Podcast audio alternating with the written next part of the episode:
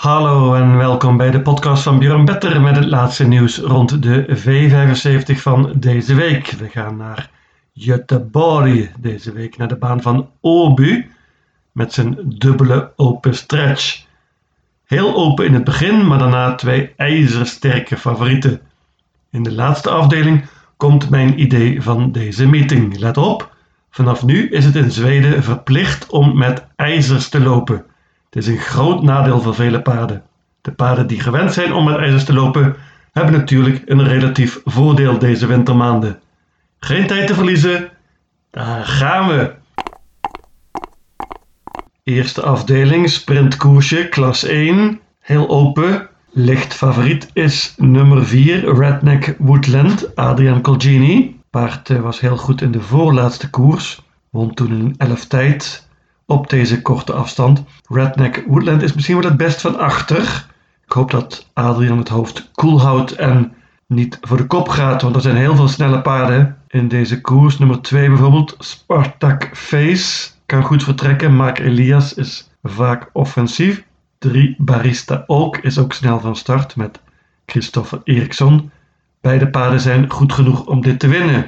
1 Axel Ruda is maar drie jaar oud, bijna vier dus. Heeft schitterend gelood en is gewend om met ijzers te lopen. Dat is een voordeel. Perfect nummer. Kan profiteren van de open stretch. Mijn winnaar van deze koers is nummer 10. Sweetman. Die spurte heel goed laatst. Versloeg toen heel gemakkelijk bijvoorbeeld onder andere Spartak Face, nummer 2. Sweetman is gewend om zonder ijzers te lopen. Dus dat is een vraagtekentje. Maar hij heeft hele goede paarden ontmoet op het eind. In de voorlaatste koers Power. De koers daarvoor Hail Mary. Jullie horen het zelf. Dat soort paarden staan er totaal niet in hier. Sweetman kan wellicht profiteren van hoog tempo. En is mijn idee in deze koers. Ik pak 5 paarden. 1, 2, 3, 4 en 10. Tweede afdeling. Merry Koers ook al heel open. Ik pak uiteindelijk 10 paarden. En ik ben nog niet helemaal zeker van mijn zaak. Favoriet is nummer 7 Cantons Rose. Die heeft vijf overwinningen op rij, is een absolute topvorm. Wordt nu weer gereden door zijn trainer, door haar trainer, sorry, Robert Barry. Cantons Rose heeft een lastig nummer, maar Robert Barry gaat waarschijnlijk vol voor de kop. Als hij die pakt, dan heeft hij een goede kans met zijn Cantons Rose. Zoals gezegd, hele open koers. Onder andere staat er ook Africa B in met Michel Rotengatter, nummer 1. Paard staat er zwaar in qua geld. Maar het is een goed paardje. Afrika B heeft eerder gewonnen in Zweden. Liep laatst een 14 tijd in een kwalificatiekoers op Wolverga. Zou een mooi parcours moeten krijgen met dit nummer. Nogmaals, dubbele open stretch op Obu. Snel van start is nummer 3 Global, Man, Global Benchmark. Die krijgt ook zeker een goed parcours met Erik Adielson. Ik noem nog wat paarden. 5 Lale Pellini, die sprong laatst. Maar deed het heel goed in de twee koersen ervoor. Onder andere in de V75. IS Elisabeth is een beetje een favorietje. Wint heel zelden helaas. Maar ze kan heel goed spurten. Per Lendertjon rijdt dit keer spannend. IS Elisabeth is een outsider. En tenslotte noem ik nog 14 Aura SL. Misschien wel het beste paard van deze koers, maar helaas laat ze het niet altijd zien.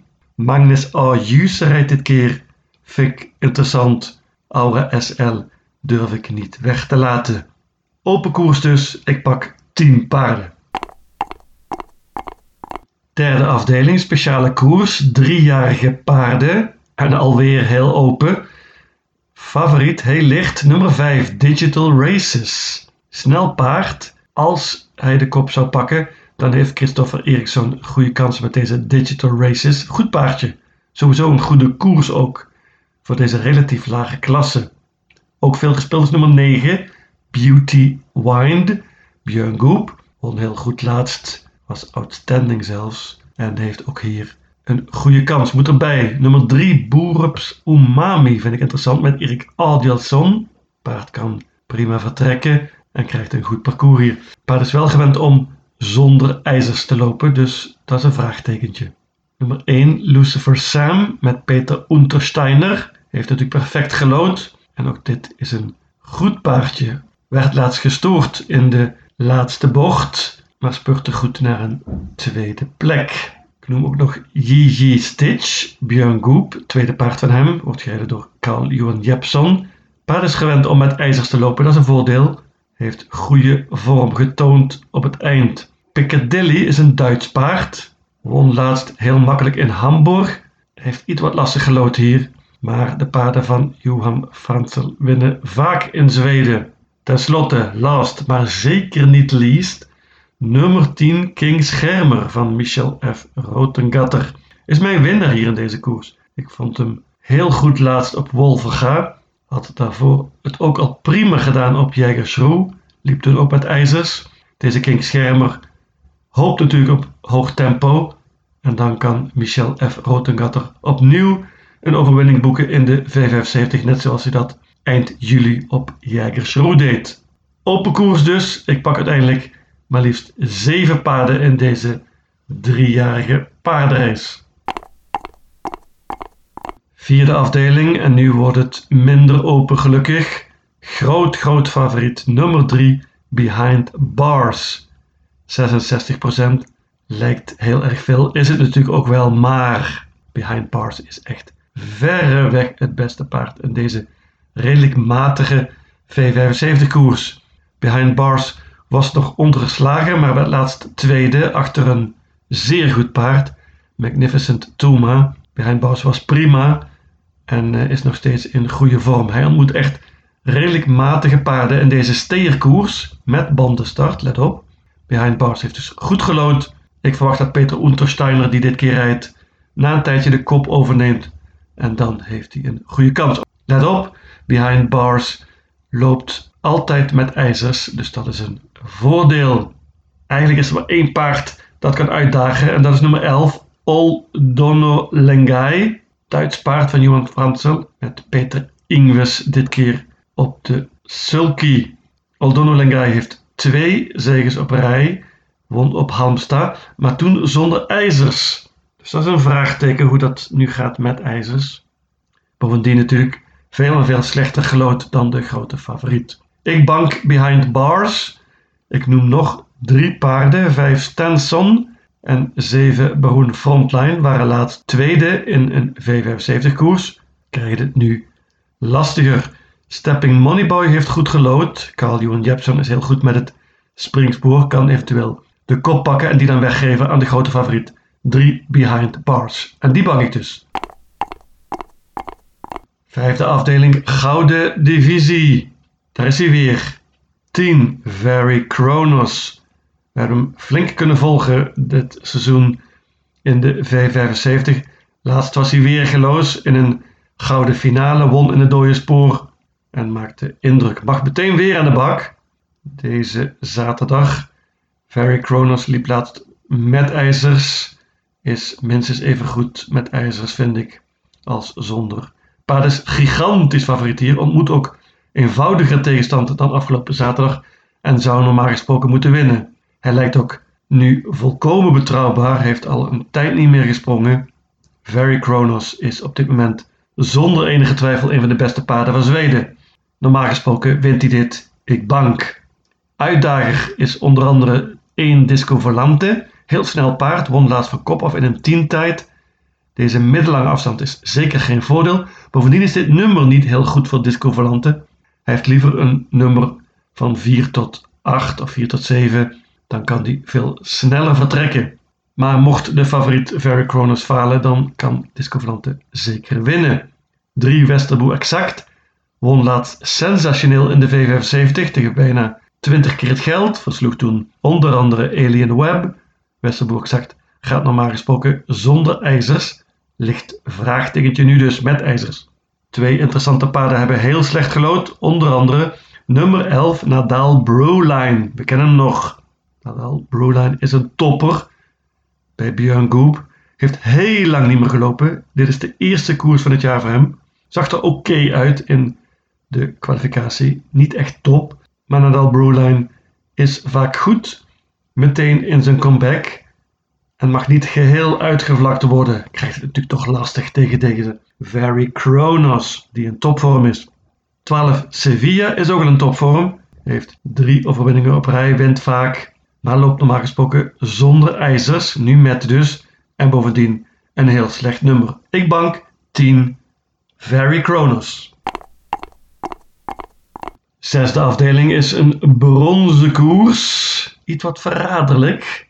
Uiteindelijk ga ik voor een duo. En ik laat weg de favoriet. 1 He's Marvelous. Dat is gek, want hij heeft goed gelood. Drie overwinningen op rij. Maar ik vind hem echt stukken stukken beter zonder ijzers. Hij gaat altijd zonder achterijzers. En met ijzers heeft hij eigenlijk nog nooit echt overtuigd. Ik neem een risico, laat hem weg. Hij is te veel gespeeld. Ook veel gespeeld is nummer 9, Speedy. Die kan wel met ijzers lopen. Robert Barry liet dat ook in een interview eerder deze week duidelijk merken. Hij gelooft veel in Tilly, had laatst niet veel verwacht. Het paard had toen niet heel goed gewerkt, maar werd keurig tweede, ondanks een heel slecht nummer. Robert Barry denkt dat Tilly nu veel beter is. Heeft eigenlijk wel goed gelood achter twee snelle paarden. Tilly is mijn winnaar in deze bronzen koers. Ik neem ook nog nummer 2, Bear Time mee. Die is heel snel van start. Is gewend om met ijzers te lopen en gaat hier zeer waarschijnlijk de kop pakken. Bear Time geeft die kop misschien dan wel weg uh, en profiteert dan van de open stretch. Snel van start zijn bijvoorbeeld 4 Vikings Preacher. Koers in de benen nu en ook gewend om met ijzers te lopen. En 6 Copacabana. Banana. Die is een topvorm, wordt dit keer gereden door Kevin Oscarson. En Copacabana is ook gewend om met ijzers te lopen. Als die de kop zou pakken, dan uh, ben ik wel een beetje bang. Want Copacabana is, zoals gezegd, in een zeer goede vorm. En hij zou dan kunnen verrassen. Maar ik laat het bij een duo. 2 Bear Time, 9 Spiritilli. En dan tenslotte in de laatste afdeling zilveren divisie. Steerkoers, 2640 meter, auto. Heel vervelend koersje met vraagtekens voor de favorieten. Favoriet is nummer 4, Weekends High Yield. Die is in vorm, twee overwinningen op rij, maar gaat met ijzers dit keer natuurlijk. En Robert Berg heeft zelf al gezegd dat dat zeker geen voordeel is. Hij uh, beschouwt het een beetje als een test nou, dan uh, laat ik hem weg hoor. 34% gespeeld, deze favoriet. Weekends High Yield. Ik hoop op een andere winnaar. 2 Night Brodde. Overtuigde laatst, pakte de kop, won in een 11 tijd over de korte afstand. Deze lange afstand is geen voordeel, maar heeft het eerder goed gedaan. Night Brodde had liever een iets hogere nummer gehad, dan is hij sneller van start. We gaan kijken waar hij nu gaat belanden. Nummer 1, Sio Tom Yet Wordt dit keer gereden door Magnus Ayuse. Vind ik interessant. Kan een goed parcours krijgen. Nogmaals, dubbele open stretch op Obu. 11 Azimuth noem ik ook nog. Duits paard dat eerder gewon in Zweden. Was laatst niet echt overtuigend. Een teleurstelling. En Azimuth heeft ook slecht gelood. Ik weet ook niet hoe het met zijn koershoofd zit. Of hij altijd wel vecht. En dan mijn idee van deze meeting. Ik ga ook meteen banken om nog een beetje het systeem aantrekkelijk te maken. Ik heb al twee grote favorieten gebankt, nu dus een outsider, een grote outsider zelfs. Nummer 6, Reverend Wine. Die wordt dit keer gereden door Erik Alderson, dat vind ik interessant. Het paard heeft een koers in de benen, was goed laatst op Jervelen, sportte prima, is zeker nog beter nu. Reverend Wine is altijd goed in de winter, is ook gewend om met ijzers te lopen, kan goed vertrekken. Ik hoop dat hij na een tijdje de kop pakt, dan is deze Reverend Wine super super interessant. Mijn idee van deze meeting zoals gezegd, nummer 6, Reverend Wine. Hela wagen Erik.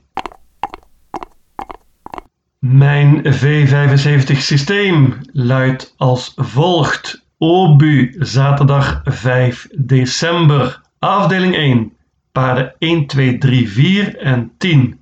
Afdeling 2, paarden 1, 3, 4, 5, 6, 7, 8, 9, 10 en 14.